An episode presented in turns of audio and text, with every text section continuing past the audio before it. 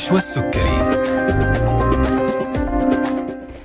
بسم الله الرحمن الرحيم. السلام عليكم ورحمة الله تعالى وبركاته. تحية طيبة لكم مستمعينا أينما كنتم. وأهلا وسهلا فيكم على إذاعتكم ألف ألف أف أم الموجة السعودية.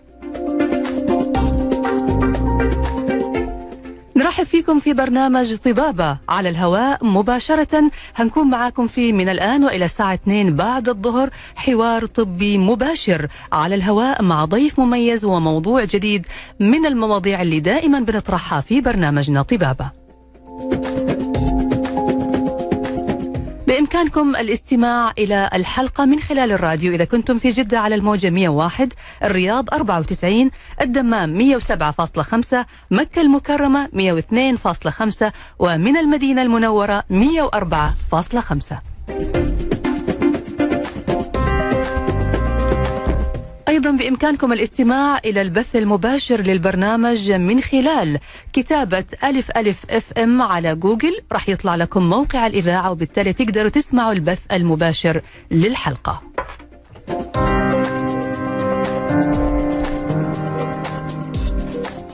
كمان بإمكانكم تحميل تطبيق ألف ألف FM والتواصل معنا من خلال التطبيق والاستماع إلى الحلقة مباشرةً. أعزائي المستمعين إذا حابين تتواصلوا معنا أو ترسلوا لنا أي استفسارات أو استشارات مجانية ممكن تتواصلوا معنا من خلال هاتف البرنامج 012 61 61 100 أو ترسلوا لنا على واتس البرنامج 0 55 66 89 01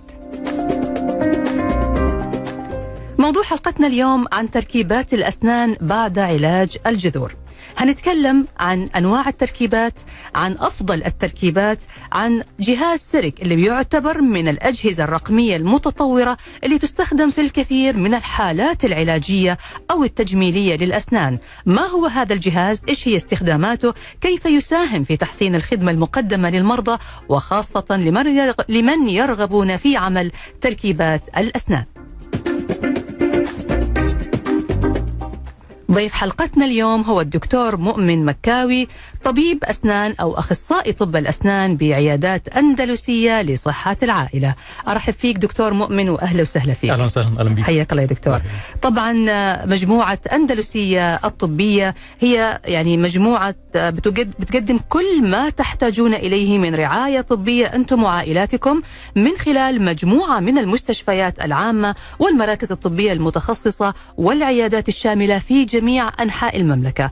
منذ أن تأسست مجموعة أندلسية الطبية وإلى هذه اللحظة لا تزال مجموعة أندلسية بتحقق أهدافها وبتقدم خدماتها بأعلى معايير الجودة حفاظا على مرضاهم وعلى كل من يتعامل معهم. موضوعنا اليوم دكتور مؤمن عن تركيبات الأسنان، يمكن إحنا بنتكلم عن تركيبات الأسنان بشكل مكرر في برنامجنا لأنه موضوع التركيبات موضوع مهم وهو تقريبا يهم كل شرائح وجميع الأعمار وجميع الفئات. اليوم هنتكلم عن تركيبات الأسنان بعد علاج الجذور، فناخذ في البداية، هل تركيبات الأسنان بعد علاج الجذور ضرورة؟ أكيد هي ضرورة طبعا لأن السن بعد علاج الجذور أول حاجة السن إحنا عملنا له علاج جذور لأن هو في جزء كبير منه متهالك أو. جزء كبير مت- متآكل منه فعشان نقدر نعوض السن ده ونحافظ عليه إن هو ما يرجعش يتآكل تاني أو إن هو يتكسر لازم نعمل تركيبة تحمي السن. أو كراون يعني اللي هو يعني يا دكتور هل كل سن تم علاج الجذور أو سحب العصب لازم ينعمل له تركيبة ولا في سن ممكن ينعمل له علاج ويكون محافظ على بنيته إلى حد ما فيقدر يواصل يعني بنسبة 90% لازم يتعمل له تركيبه علشان تحافظ على تمام. النتيجة اللي انعملت في. سحب ال- العصب أو في علاج الجذر. تمام. تمام يا دكتور. طيب آه خلينا دكتور نتكلم الآن عن أنواع التركيبات. إحنا نعرف أنه التركيبات أنواع مختلفة المواد نفسها اللي بتستخدم منها التركيبة برضو مواد مختلفة آه أماكن التركيبات في الفم مختلفة. كل الأشياء هذه بت- بتعتمد أو بتعتبر معايير لاختيار التركيبة المناسبة. تمام مظبوط. طيب بالنسبة للأنواع هو في في كذا تصنيف يعني مم. في أنواع حسب المادة اللي بتتعمل منها التركيبة مهم. أو حسب الشكل التركيبة نفسها أو حسب التقنية اللي بتتعمل بيها ال- تركيبة التركيبة تمام طبعا حسب النوع المتعارف بين الناس هي تركيبة البورسلين أو تركيبة ال- الزيركون مم. زاد عليها بعض الأنواع هي يعني زي تطوير لل- للزيركون أو التركيبات اللي بتكون بدون معدن مهم. آه حسب ال- الشكل بيكون سواء إن هي تركيبة زي ال- اللي بتحتاج نحت للسن زي الكراون أو في تركيبات تانية أحدث للأسنان بعد علاج الجذور. طبعا حسب التقنية في التركيبات اللي هي بتتعمل بالمقاسات العادية وبتتعمل في المعمل زي متعارف عليه. وفي تركيبات اللي بتتعمل بال بتقنية ال 3D printing أو اللي هي زي ال CEREC. ممتاز هذا هنتكلم عنه ناخذه بالتفصيل أكيد. نعرف إيش ال CEREC هذا إيش الجهاز أو إيش التقنية الجديدة هذه اللي بتسهل على الطبيب وكمان على المريض وبتوفر من الوقت ومن الجهد طيب إحنا الآن قلنا إنه أنواع التركيبات مختلفة بتعتمد على نوع المادة المستخدمة وبتعتمد على الوظيفة نفسها اللي. هتستخدم فيها التركيبة هذه تمام.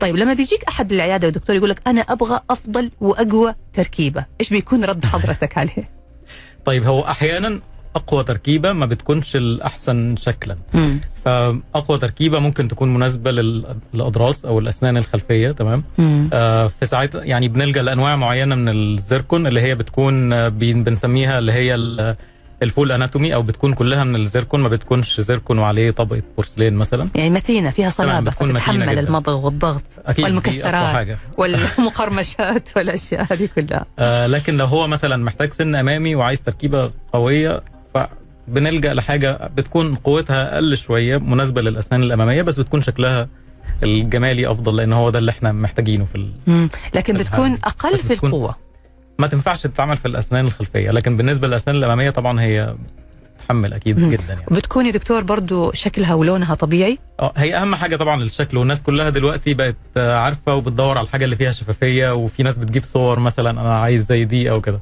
فطبعا الأسنان الأمامية أهم حاجة الناس بتدور عليها إن يكون شكلها طبيعي ويكون فيها شفافية. تمام. عشان تبدو إن هي طبيعية إلى حد ما مو تركيب. أيوة. تمام. طيب دكتور في بعض الأحيان بنضطر لاستخدام النحت للسن علشان يصير تتركب عليه التركيبة. النحت هذا ما بيضعف السن؟ آه طيب بن... لازم الأول نعرف هو تكوين السن يعني هو ال- الطبقة الخارجية للسن اللي هي طبقة المينا دي. بتكون عاملة زي ال... زي الإزاز كده آه فهي لو ما فيش حاجة تحتها هي بتكون ما بتكون معرضة للكسر بسهولة جدا مم. يعني لو ما فيش تحتها طبقة العاج اللي هي بتتآكل في الغالب آه مع علاج الجذور نعم بتكون آه طبقة خلاص بتتكسر بسهولة مم. فالنحت في الحالة دي هو نحت الطبقة أصلا هي هتتكسر لو إحنا ما عملناش ال... لو إحنا ما عملناش النحت وركبنا عليه. هي أصلا طبقة يعني الطبقة هذه أصلا ضعيفة إلى حد ما آه، أو يعني بتتعرض للعوامل زي ما المختلفة. يقال ان هي بريتل أو قابلة للكسر قابلة. إيه،. فأنت بتزيل ال- ال- الطبقة هذه أو لما بتيجي تنحت الضرس بتاخذ بس الطبقة الخارجية اللي آه ممكن ممكن إنها... نتعداها بحاجة بسيطة. يعني ممكن نتعدى الطبقة دي بحاجة بسيطة جدا. آه بحيث إن إحنا نقدر نعمل تركيبة بحجم مناسب بعد كده صحيح وكمان بحيث إنه يصير الأساس عندك للتركيبة هو الجزء المتين اللي يتحمل تمام. قوة هذه التركيبة أو يتحمل مظبوط. صلابتها وأحيانا بنلجأ إن إحنا نعمل دعامات عشان تمسك تثبت الجزء الداخلي للسن. بحيث إن هو يقوي التركيبة إيش هي. الدعامات هذه يا دكتور؟ الدعامات هي حاجة بتتركب في الجدر بتاع السن علشان تمسك الحشو الخارجي. في في الجزء بتاع الجدر بس إن. هو ما يرجعش يتفك بعد كده okay يعني هذا بتثبت أكثر التركيبه زي الأساس يعني زي العمود. مظبوط. آه زي الأساس بتاع البيت. تمام كده. ممتاز. طيب هل ممكن يا دكتور عمل التركيبة أو ال crown بدون ما نلجأ للنحت؟ في مؤخرا آه، بعض التركيبات ما بتحتاجش نحت بتكون للأسنان الخلفية اللي معمول لها على الجذور. هي مم. بتعتمد في ثباتها على الجزء الداخلي المتآكل إحنا عندنا في جزء متآكل في السن فإحنا بنعمل التركيبة فيها آه، بروز بيمسك يعني زي مثلا ال- الكبسولة بتاعت مثلا الهدوم أو اللبس أيوة، أو كده تمام. آه. في زي جزء بيدخل في ال... إحنا بنستخدم الجزء المتآكل في السن ده مم. إن هو يدخل فيه جزء يصير زي. التجويف. يمسك. بالظبط فلما تيجي تركب تدخل فيه فتصير المكان ماسك على يعني مظبوط مظبوط. فإحنا. بنعتمد على الجزء المتهالك أصلا فما بنحتاجش إن إحنا نشيل جزء زيادة ممكن بس نحتاج إن إحنا نقصر السن شوية بحيث. ما يكونش عالي بعد كده في العظم ممتاز طيب دكتور يعني خلينا الآن نتكلم عن التركيبات آه التركيبة يعني متى ضروري إنه لازم المريض يعملها ما ينفع إنه يتأخر عنها تمام طبعا بعد علاج الجذور ده على طول لازم بعد دي- علاج دي الجذور. ضروري مم. لازم في بعض الأحيان بيكون آه المريض عنده مشكلة في في الشكل مثلا إيه. ويكون علاجها الوحيد اللي ينفع ليها إن هو التركيبة مم. آه أحيانا يكون فاقد للأسنان ومش هينفع إنه يعمل زراعة مم. فبيلجأ إن هو يعمل الجسر اللي هو بيكون عبارة عن عن كراونز برضو أو عبارة عن تركيبة على الأسنان تمام تمام. طيب إيش هي المدة الزمنية اللي بيحتاجها المريض لعمل التركيبة بعد ما عمل علاج للجذور؟ يعني هو مثلا ممكن يكون عمل العلاج بس ما الدكتور قال له ممكن تجلس أسبوع أسبوعين شهر شهرين تأخر. وينسى. ينسى فايش هي المدة اللي ممكن يعني تمر لين ما يركب؟ هو الأفضل إن هو يعملها مباشرة خصوصا لو هي التركيبة اللي اللي بتعتمد على التجويف مكان الجزء المتآكل. مم. فإحنا خلاص لا إحنا عايزين نملى الجزء المتآكل ده فبنعمل على طول التركيبة. يعني بدل ما نرجع نحط حشو وبعدين نرجع نشيل الحشو اللي حطيناه تاني عشان نعمل التركيبة فهي دي بتكون خلاص إحنا خلصنا علاج الجذور على طول ناخد نحط التركيبة. نحط التركيبة مكانها طيب هعرف من حضرتك إذا ما تم عمل التركيبة فورا بعد علاج الجذر وتأخر المريض عن عملها. إيش الخيارات المتاحة؟ وهل بالإمكان أنه يعمل التركيبة آه، عادي بكل بساطة ولا في إجراءات طبية لازم تسبق هذه الخطوة؟ هذه الأسئلة هنعرفها منك دكتور. بعد ما نطلع فاصل لازلنا نستقبل أسئلتكم واستفساراتكم على هاتف البرنامج 012 61 61 100 ورسائلكم على واتس البرنامج 055 66 89 01 ومعنا الدكتور مؤمن مكاوي طبيب أسنان بعيادات أندلسية. لصحة العائلة. فاصل ونواصل.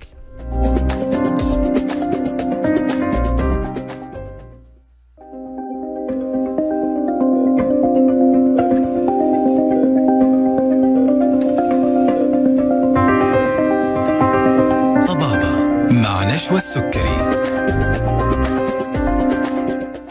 حياكم الله من جديد مستمعينا الأعزاء وأهلا وسهلا فيكم مرة ثانية في برنامجكم طبابة على ألف ألف أف أم الموجة السعودية.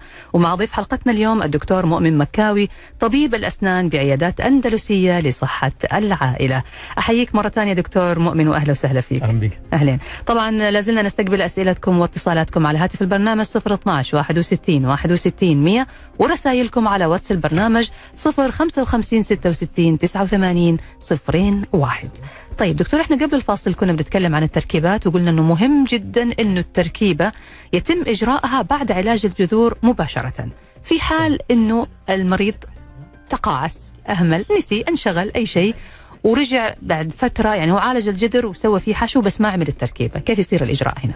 تمام. هو دلوقتي بيحصل في يعني كذا حاجة ممكن تحصل مم. هو ممكن آه، ينسى ويرجع بعد ما السن يكون اتكسر وده في الغالب اللي بيحصل اللي مم. بيخليه ينتبه إن يلاقي السن اتكسر أو الحشو اللي موجود جوه السن آه، فك أو طلع مم. لو في حالة إن الحشو اللي موجود جوه السن اتفك. فإحنا لازم نعيد علاج الجذور اللي عملها آه يعني هنرجع نعيد الجذور علاجها من جديد لأن طبعا الفم يعني مليء بالبكتيريا. وبتدخل في الجذور تاني في القنوات العصبية فبنحتاج إن إحنا قبل ما نعمل تركيبة تانية إن إحنا. نعيد نعمل إعادة لعلاج الجذور تمام طبعا بتكون عملية معقدة شوية عن علاج الجذور ال- الأولي الطبيعي. آه. لأنه هذه إعادة علاج مظبوط. آه عشان نشيل أصلا الحشو العصبي القديم اللي جوه القنوات الدقيقة ونرجع آه, آه نعم. يعني الحين يا دكتور الحشو اللي نحط فوق علاج الجذور الأولي هو يعتبر طبقة حماية للجذور هذه. فلما بينكسر الحشو أو ينكسر السن ويطيح الحشو صار الآن دخلت البكتيريا فأنت لازم تزيل ال- ال- الحشوات هذه اللي في الجذور الصغيرة مظبوط. هذه. تمام. تمام. آه الحاجة الثانية إن هو يكون جه والسن اتكسر. لما السن بيتكسر طبعا دي حسب الجزء اللي اتكسر من السن. لو مم. الجزء ده خلاص يعني جزء كبير أو الشرخ مثلا وصل لغاية جذور السن في الحالة دي خلاص السن هيتخلع وهيتعمل مكانه زراعة. لو الكسر ده جزء بسيط آه بنلجأ إن إحنا ن- نعمل بقى الدعامات بعد ما نعمل بعد ما نعيد طبعا علاج ال- الجذور القديم. امم أحيانا نلجأ إن إحنا نعمل شوية نطول السن بحيث يعني إن إحنا نظهر جزء من السن مثلا متغطي باللثة بحيث إن إحنا يكون في جزء نمسك فيه التركيبة اللي هنعملها على السن. تمام. وبعد الدعامة تحط التركيبة. فوقها ويصير في الحالة هذه ممكن يستمر مع عدة سنوات يعني. أيوه أكيد. ممتاز. طيب في معانا اتصال ونقول ألو يا هلا وسهلا. أهلا مساء الخير. أختي نشوى كيف حالكم؟ أهلين مساء النور. هلا ومرحبا. من الجنوب من صديقي عندي سؤال والله يهمني كثير اتفضلي حبيبتي. إيوه مع التقدم في العمر بعض الأسنان الداخلية آه، الأمام ال- الداخلية والأمامية تتعرض للتلف والسقوط من جذورها من نفسها كذا. فهل هنا يجب عمل زراعة للأسنان عشان تجميل منظر الفم والشكل أمام الآخرين؟ بعضهم يحسون يعني بح- بحرج وبسخريه من بعض الناس. لما يشوفوا أسنانهم ال- الأمامية متساقطة فيحبون يسوون عملية زراعة. امم فممكن الحديث في الموضوع هذا يعني. أكيد أكيد. بس هو السؤال آه أنت بتتكلمي بتقولي مع التقدم في العمر اللي هو كم يعني؟ يعني هل هو بسبب التقدم ولا بسبب أمراض؟ ال وال50 تبدا الأمامية تتساقط من نفسها كذا من الجذور. تتساقط من فيطلع نفسها. الشكل يعني الواحد يبغى يسوي عملية زراعة عشان المنظر قدام الناس والآخرين. طيب هنشوف البدائل كلها المتاحة إذا صار فعلا في تساقط للأسنان. آه ممكن الدكتور يعطينا الآن إيش الحلول؟ في دكتور. استفسار عند حضرتك؟ آه هي خلاص. قفلت خلاص يلا. طيب بالنسبة اللي هي بتتكلم عليه هي بيكون مشكلة في ال- في اللثة. في بيحصل زي تآكل في اللثة وفي العظم المحيط بالأسنان. آه. فالأسنان بتتلخلخ وبتسقط. آه في الغالب بيكون آه مريض سكر. تمام.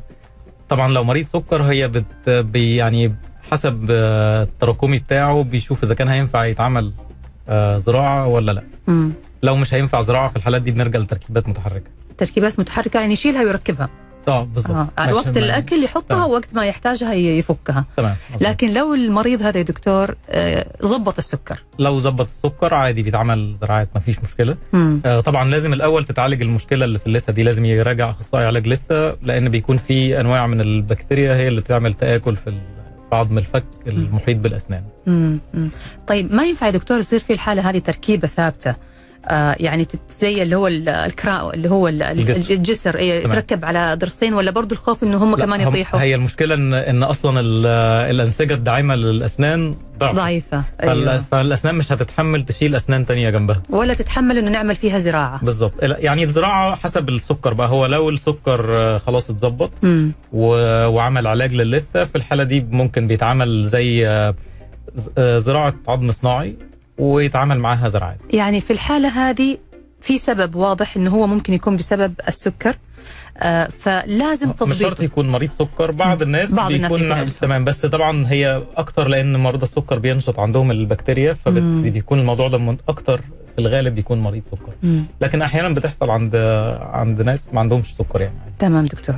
طيب أنا نرجع دكتور لمحاورنا. أتمنى تكون الإجابة يعني وصلت للأخت الكريمة. والله يشفيكم يا رب دائما ويعافيكم من كل شر. طيب دكتور إحنا نكمل أسئلتنا. نعرف العمر المناسب لعمل التركيبة كم الوقت اللي تحتاجه علشان يحصل المريض على التركيبة اللي هو يبغاها؟ هذه الأسئلة هنجاوب عليها بعد ما نطلع فاصل قصير ونرجع بعد ونكمل حوارنا.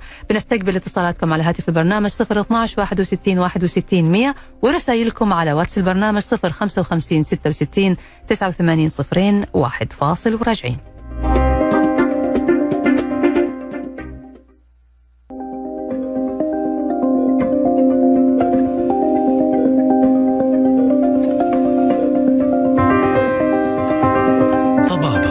مع نشوى السكري.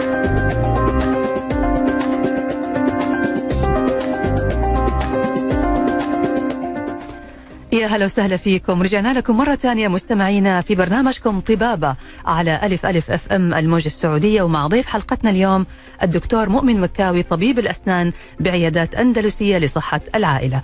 لازلنا نستقبل أسئلتكم واتصالاتكم على هاتف البرنامج 012 61 61 100 ورسائلكم على الواتس 055 66 89 صفرين واحد. معانا اتصال ونقول ألو يا هلا وسهلا. ألو. أهلا وسهلا. السلام عليكم. عليكم السلام. شهادة دكتور؟ حياك الله. أهلا وسهلا. ما أنا أستاذ زراعة سنون متحركة. زر... عفوا الاسم بس مين معي أول؟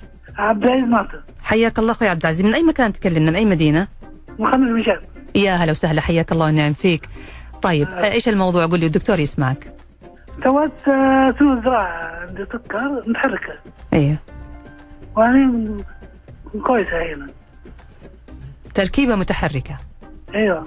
طيب في دكتور عندك. سؤال. ه- يعني هل هي تركيبة متحركة ولا زراعة؟ في فرق. لا زراعة متحركة آه، تركيبة. يعني- تركيبة. تمام. تمام. إيش المشكلة؟ يعني يعني كم تبقى يعني؟ لسه متحركة سنون كم تبقى معك إيه. يعني كم تقدر تستخدمها الفترة يعني؟ إيه. طيب أنت يعني أنت بتعاني منها من شيء؟ مزعجتك في حاجة تركيبه الآن؟ لا. طب إيش سؤالك بالضبط أخوي عبد العزيز؟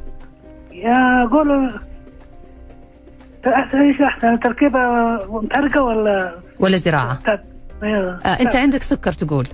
أيوه. طيب خلينا الحين الدكتور يجاوبك إن شاء الله. وألف سلامة عليك. الله يسلمك. طبعا هو لو هو بيصلح له الزراعة أكيد الزراعة بتكون هي الخيار الحل الأفضل. أكيد الحل الأفضل. مم. في سؤال تاني هو كان بيسأل قد إيه يفضل يستخدم نفس التركيبة. مم. طول ما هو حاسس براحة مفيش مشكلة. أحيانا التركيب بعد خلع الأسنان يبدأ العظم شوية يضمر بتاع الفك مم.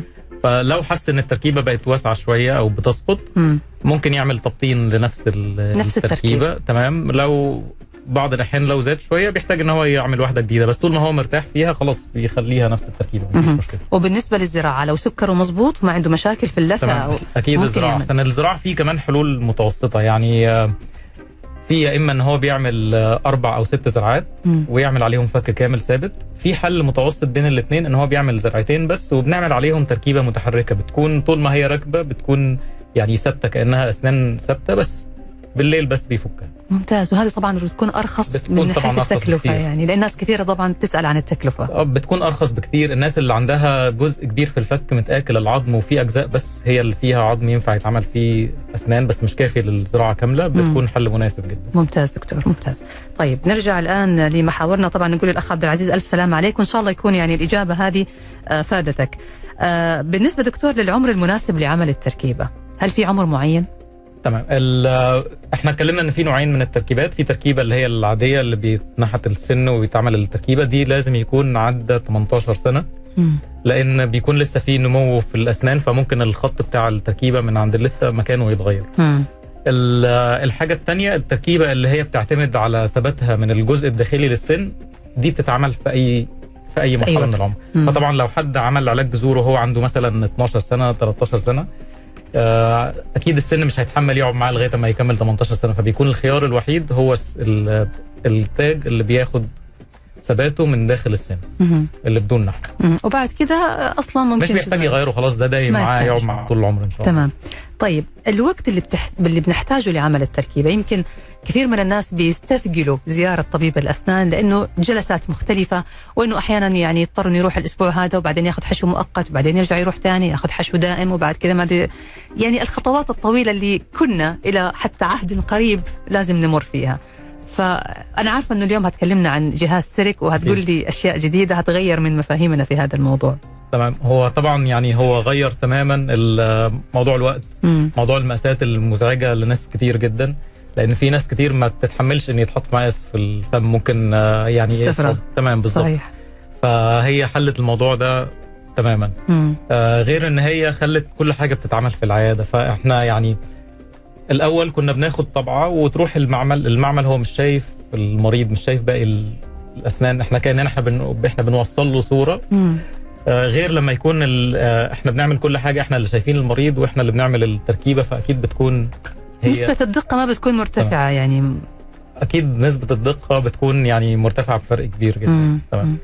آه، غير إن هي طبعا كلها تقنية رقمية فإحنا ال- السن بي بيتصور بجهاز آه، زي ما بيتصور الصورة زي ما بتطلع في في التركيبة. ممتاز. غير المقاسات الأول بيكون في نسبة انكماش مثلا على بال ما تروح المعمل المقاس ده بيتصب برضو المادة بيكون ليها شوية نسب بسيطة جدا مم. بس ما بتكونش بالدقة زي اللي بتطلع مع السيرك. ممتاز يعني أنا كنت بقول إنه نسبة الدقة ما بتكون مرتفعة في في العمل أو في الشغل اللي بيجي من المعمل لأنه أنتم بترسلوا له المقاسات وهو بياخذ المقاسات بيبني عليها بيستخدم مواد معينة فممكن حتى تيجي تلاقي أنا لاحظت الدكتور يجلس يحاول يضبط حتى مظبوط. في التركيبة بعد ما تيجي عشان تتركب بشكل صحيح وأحيانا لو في حاجة نرجع المعمل تاني ترجع. آه، يعيدها أو يظبطها. أيوه. تاخد وقت أطول برضه. فيضطر المريض تمام. يجيك مرة ثانية بعد أسبوع ثاني على ما يكون المعمل انتهى من عمل التركيبة المعدلة أو المضبطة مظبوط. لكن الجهاز هذا بيسمح للطبيب وهو في العيادة أنه يعمل التركيبة في نفس اللحظة. من الألف للياء. يعني. واستخدام المواد نفسها والتك... يعني هو بيطبع ال- ال- التركيبة هذه أو إيش بيصير يعني بي... بينفذها بيبنيها. هو زي ال 3D printing يعني إحنا بن في كاميرا معينة بجهاز. software إحنا بنصور ال- الأسنان مم. آه لما بنصور الأسنان بنقدر بقى إن إحنا نعمل تصميم عليها نطول من هنا شوية نقصر هنا شوية ممكن يبقى لو هي سن أمامي آه حتى إن إحنا نشارك المريض نعرف هو إيه عايز إيه بالظبط؟ في. بعض الناس تكون عايزة سن أطول سن أقصر. مم. يعني نقدر إن إحنا نعمل تقدر كل اللي إحنا عايزينه. آه، وتظبط على حسب كمان الشيء اللي يريح المريض. بالظبط ممتاز ممتاز. هنكمل كمان يا دكتور أسئلتنا عن جهاز سيرك هذه التقنية الجديدة أو هذا الجهاز الرقمي المطور بس هناخذ هذا الاتصال. نقول ألو يا هلا وسهلا. اي السلام عليكم. عليكم السلام ورحمة الله. حياك الله أخوي. مين معي؟ اي لي معكم أبو محمد أهلين يا أبو حمد. حياك الله. تفضل يا أخوي. اي بس استفسر من الدكتور. اي تفضل. اي أنا عملت آه، تركيب آه، جركون اماميه على سنين أمامي ال- الواجهه بالضبط زمان يعني قبل ثلاث أربع سنين. حاليا فترة السنة هذه يعني لاحظتها إنه السن نفس التركيبة بدأت تميل جهة اليسار كذا. يعني صار في فراغ فراغ بين التركيبة نفسها والسن الطبيعي. تمام.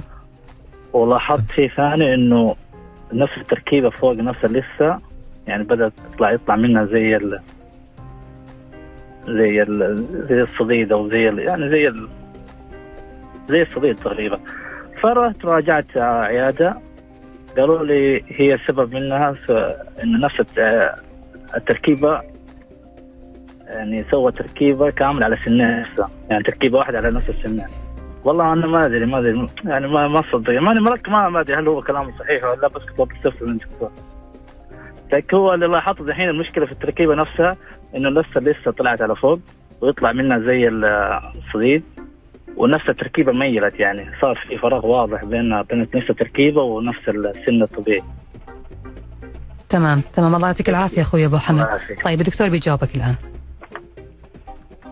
طيب هو أول حاجة طبعا إحنا يعني أي حاجة أقولها له دلوقتي هي حاجة مبدئية إحنا لازم نشوف آه، صورة أشعة للسن عشان نعرف نحدد المشكلة بالظبط.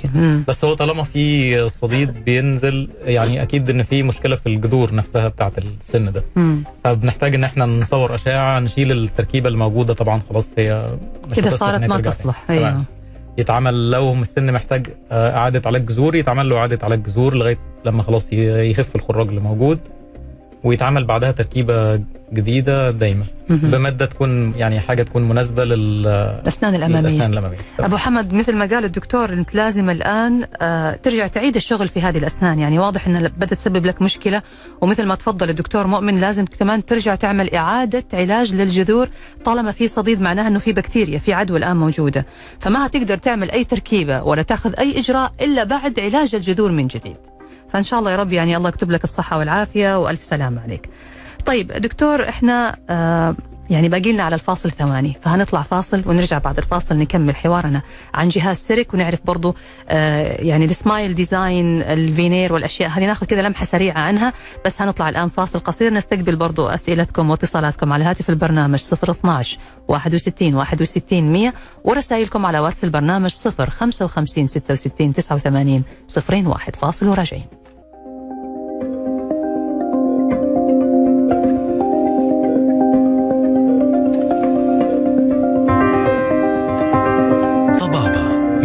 مع نشوى السكري يا هلا وسهلا فيكم مستمعين رجعنا لكم مرة ثانية في برنامجكم طبابة على ألف ألف FM مع ضيف حلقتنا الدكتور مؤمن مكاوي طبيب الأسنان بعيادات أندلسية لصحة العائلة. حياك الله دكتور في الجزء الأخير من حلقتنا. طيب دك... محيي. الله يسلمك. طيب دكتور إحنا كنا بنتكلم عن آه خلصنا موضوع يعني تكلمنا عن CEREC واستخداماته وقلنا قديش هو بيوفر من الجهد والوقت. لكن في سؤال يا دكتور بيفرض نفسه. كثير من الناس يقول لك إحنا لما نشوف تقنية جديدة أكيد إنه التقنية هذه هتكون مكلفة. ما إحنا ما ما بسألك يعني كم تكلف لكن أبغى كلمة حتى ولو بشكل عام كذا هل فعلا كل التقنيات الجديدة بتكون مكلفة؟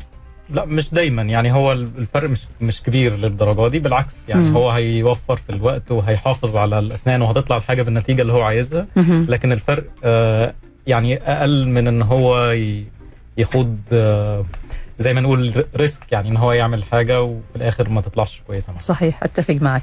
طيب دكتور بالنسبة لل smile design اللي بيستخدم فيها الفينير والفرق بينها وبين ال crown تمام. الفرق الأول بين ال veneer وال crown هو ال- السمايل ديزاين هو اللي هيحدد لنا إحنا هنعمل آه crowns ولا مم. veneers وإيه الأسنان. ممكن نعمل سنين جنب بعض واحد crown واحد veneer smile design يعني التخطيط أو الخطة بالضبط. اللي هتنعمل لل- للأسنان؟ تمام تمام. مظبوط. اللي هو تصميم, الابتسامة. تصميم اللي هو بيعتمد. على على كل حاجة على شكل البني آدم على طول الوش على شكل الشفايف. تمام. على اللي هو يعني بيطمح ليه أو الحاجة اللي هو عايز يوصل لها. تمام.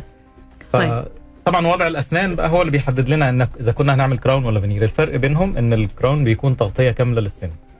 آه، فبنقدر تلبيسة يعني. تلبيسة بالظبط. okay. ففي بعض الأحيان يكون السن مثلا آه، محتاج إن إحنا نغير شوية في شكله زيادة إن إحنا ن- نغير وضع نغير وضعه. فده مش هيس مش هنقدر نعمله إلا إن إحنا نعمل تغطية كاملة عشان نقدر نعدل في السن براحتنا. تمام. لو السن حالته كويسة السن ما فيهوش تسوس آه، وضعه إلى حد ما محتاج تعديل بسيط بيكون ساعتها الفينير هي الحل الأفضل لأن إحنا ما, بن... ما بنضطرش إن إحنا نشيل من السن جزء كبير. طيب برضو يا دكتور في سؤال مهم. إحنا نعرف إنه الفينير يعني هي عدسات أو قشور يسموها قشور. تمام. يمكن كلمة عدسات أو قشور بتعطي الانطباع إنه هي ضعيفة إلى حد ما. فهل ال crown أكثر صلابة من الفينير ولا إحنا هنا بنعتمد على الوظيفة أكثر من الشكل؟ هي هو ال crown مش أكتر آه، صلابة. هي الفكرة إحنا قلنا برضو إن ال- الطبقة الخارجية عموما في الأسنان بتكون زي الازاز آه، بيكون تحتها طبقة هي اللي بتحميها. امم نفس الفكرة بالنسبة لل veneer. ال veneer دي هي طبقة بسيطة فاحنا عايزينها زي طبقة المينا بالظبط. آه طبيعية فيها عاوز بسيطة. فيها شفافية. الطبقة اللي تحتها هت- هتحميها. لو العضة بتاعت ال- الشخص مظبوطة خلاص مش هتتكسر يعني. هتكون بالظبط زي السن الطبيعي. تمام. ممتاز يا دكتور. طيب آه بالنسبة للفينير دكتور هل ممكن الفينير بعد فترة آه ينفك أو يطيح. آه يعني لو السن طبيعي اللي تحته سليم ما فيهوش أي مشكلة هي مش هتطيح بالعكس هي بيكون ثباتها أعلى من ال من ال crown كمان لأن مم. هي هي الفكرة بقى هي بتثبت إزاي يعني التكنيك اللي هي بتثبت بيه. أو زي ما بنسميه إحنا ال bond بينه وبين السن الرابط بينه وبين السن. تمام. فهي الرابط هو حاجة اسمها رابط كيميائي هو ما بيعتمدش على إن هي تكون مغطية السن كامل على قد ما هو بيكون في رابط كيميائي بينها وبين السن. تمام. تمام. فهي بيكون ثباتها عالي جدا يعني. okay. يعني الفينير أو ال crown الاثنين يعتبروا بالنسبة للثبات أو للقوة آه تقريبا نفس الشيء. نفس الشيء. لكن هي بتعتمد على حالة الأسنان آه ووضعها بهذا اللي بيخلينا نختار ال crown أو الفينير. مظبوط. ممتاز. طيب دكتور الفينير هل ممكن يتركب بدون نحت؟ هو يعني على الأقل بنحتاج في الغالب نحت بسيط جدا. مم. في حاجة تانية اللي هي ال lumineer هي اللي ما بتحتاجش نحت بس يعني هو في. يعني 90% الحالات بتكون محتاجة لأن هو لو الشخص مش محتاج تعديل أو مش محتاج نحت إحنا ساعتها ممكن بنلجأ لحاجات تانية بقى بنلجأ لتبييض الأسنان أو حاجات بسيطة. لكن طالما هو هيعمل فينير هو بيكون أكيد عنده مشكلة في شكل الأسنان أها فلازم في الحالة هذه يتم معالجة الأسنان وبعد كده نحط عليها ال- الفينير. تمام. والكحت هنا بما إنه الأسنان أصلا فيها مشكلة هو هيكون ضروري يعني علشان تتعدل هو, هو هيكون. ضروري عشان تتعدل وهيكون بسيط جدا لو إحنا هنعمل فينير. ممتاز يا دكتور. طيب برضو أرجع أسأل حضرتك لو جاك المريض على العيادة الخيار بالنسبة للفينير أو ال crown هل يعني يعني أنت مثلا هتختار لي هذا أو هذا بناء على حالة الأسنان لكن إذا كان المريض يحتاج أنه يعمل الشيء الثاني كيف بيكون التعامل في الحالة هذه؟ بنوضح للمريض يعني هو إحنا هنا مش هنقدر نعمل غير كذا. مم. ولو عملنا الحاجة التانية هيكون في مشاكل بعد كده كذا وكذا وكذا فإحنا مش هنقدر نعملها. تمام يا دكتور. طيب ناخذ أسئلة المستمعين عشان ما نتأخر عليهم أكثر. في يا دكتور الآن عندنا أول سؤال يقول السلام عليكم ورحمة الله. أنا عندي سكري من النوع الأول وبيتكون الجير بشكل سريع جدا خلال شهرين مع إني أنظف أسناني كل ستة شهور وعندي كمان تنظيف يومي مواظب عليه. فهل في حل لتجنب الجير السريع؟ هو تنظيف الجير في العيادة مفيش غنى عنه يعني هو لازم هيعمل تنظيف جير في في العيادة مم. في بعض يعني بعض المنتجات أو مع يعني معجون الأسنان بيكون في مواد تقلل شوية تراكم الجير مم. آه لكن هو كده كده لازم تنظيف الجير في العيادة خصوصا إن مريض السكر لازم يتابع العيادة كل فترة okay. ما في دكتور مثلا حاجة معينة مثلا آه، هو هو ما شاء الله يقول محافظ على التنظيف اليومي وكمان بينظف كل ستة شهور.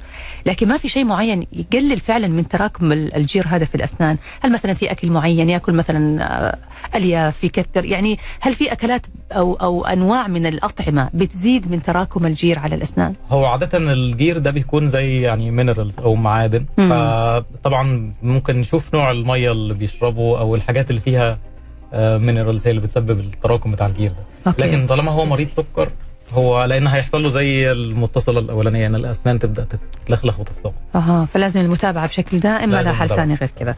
طيب في دكتور عندنا سؤال يقول كان عندي مشكلة في الضرس في الفك العلوي وقمت بعمل سحب عصب لهذا الضرس لكن أتعبني خلال فترة طويلة ورجعت مرة ثانية للدكتور ولكن الدكتور آخر فقال لازم إعادة سحب العصب من جديد وعمل إعادة للجذور لعلاج الجذور. آه بعد كذا آه للأسف الشديد انكسر الضرس. ولما رجعت الدكتور قال لي ما عاد له حل إلا الخلع والزراعة. فهل ممكن في الحالة هذه إنه يصير تركيب دعامة مثل ما قال الدكتور وينحط فوق الدعامة تركيبة؟ هي بتعتمد حسب الكسر واصل لغاية فين. وشكل الكسر يعني لو الكسر طولي مثلا الجزء مقسوم نصين يبقى أكيد مش هينفع تمام؟ لكن حسب الشكل الكسر وكمية الجزء المكسور قد إيه. آه يعني ما نقدر نحدد من الآن. هو تعتمد على السن. حالة الضرس نفسه إيش وضعه آه الحالي. لازم يراجع العياده ونشوف السن بالظبط تمام تمام دكتور. طيب في سؤال دكتور عمري تقول عمري آه 47 سنة خلعت ضرسي وأنا صغيرة عمري 13 سنة. والآن عندي فراغ لأني ما حطيت شيء بديل مكان هذا ال- المكان هذا الفاضي وأحتاج الآن إلى إني أعمل تركيبة. فهل الأفضل إني أعمل زراعة؟ ولا أعمل تركيبة؟ وهل ممكن أعمل زراعة بعد هذه الفترة الطويلة من خلع الضرس؟ هي الزراعة دايما الاختيار الأول. بس هي خلعته وعمرها 13 والآن عمرها آه. 47 طيب هو ما فيش مشكلة. هو إحنا بس بنحتاج أشعة ثلاثيه الابعاد بتبين سمك العظم قد إيه في الجزء ده. مم. آه لو ينفع يتعمل تدعيم بعظم هو أكيد حصل خلاص ضمور. في العظم. أيوه لأنه من 13 إلى 47 مظبوط. نتكلم على حاجة و20 حاجة وممكن 30 سنة. الأسنان اللي جنبه كمان هتكون مالت على أكيد. على الفراغ. ف طبعا. لو ينفع زراعة هي الاختيار الأول. مم. وبي... لو في ضمور ممكن يتحط عظم صناعي لكن لو ما ينفعش بيكون الجسر هو الاختيار الثاني. الجسر هو الاختيار الثاني. تمام. يعني ممكن تعمل في الحالة هذه الزراعه بس يعني هنشوف الإمكانية إذا ما زبطت تصير ما عندها غير الجسر. تمام مظبوط. لا الجسر يا دكتور في الحالة هذه هيحتاج إنه نعمل نحت للضرسين الاثنين اللي جنبه. اللي جنب المكان الغالب. هيحتاجوا على الجذور قبل النحت. ويحتاجوا كمان علاج جذور. ويصير بعد كده التركيبة هذه أو التلبيسة أو الجسر يتركب ويصير الضرس في المكان الفاضي بينهم. تمام. ممتاز. طيب في سؤال كمان يا دكتور يقول عندي مشكلة في الأسنان الأمامية العلوية يوجد فيها تصبغات أو تسوس آه، فهل يمكن عمل آه، حشوات لها أم لابد من عمل عدسات؟ طيب هو لو فيها تسوس هو مش هينفع نعمل عدسات. تمام. لو فيها تسوس يبقى الحل إن إحنا نعمل حشوات. مم. آه لو الحشوات دي آه يعني لو في التسوس ده واصل للعصب يبقى ساعتها هنعمل حشوات وهنعمل عليها تلبيسات. أوكي لو واصل للعصب. تمام لكن لو الأسنان أصلا فيها تسوس وتسوس في أماكن كتير يبقى خلاص مش هينفع يتعمل عليها عدسات. والعدسات في الغالب مش بتمسك على الحشو هي بتمسك برابط بينها وبين السن الطبيعي. آه يعني لو الس- هترجع تتفك لو آه، عليها لو هذه حشوات. جديدة. يعني لازم تكون الأسنان بحالتها إلى حد ما جيدة عشان نقدر نركب عليها العدسات مظبوط. أو الفينير أنا بشكرك جزيل الشكر الدكتور مؤمن مكاوي طبيب الأسنان بعيادة أندلسية لصحة العائلة. شكرا جزيلا لوجودك معنا دكتور. عفوا. كانت حلقة جميلة بوجودك معنا. الله يعطيك العافية. شكرا. الشكر موصول لكم أنتم أيضا مستمعين الأعزاء. نلقاكم على خير في الأسبوع المقبل. انتظرونا يوم الأحد القادم بإذن الله تعالى. حلقة جديدة موضوع جديد وضيف مميز جديد من ضيوفنا اللي دائما بيشرفونا في برنامج طبابة. تقبلوا تحياتي من خلف المايك. أنا نشوى السكري ومخرج الحلقة رائد باراجي في حفظ الله ورعايته.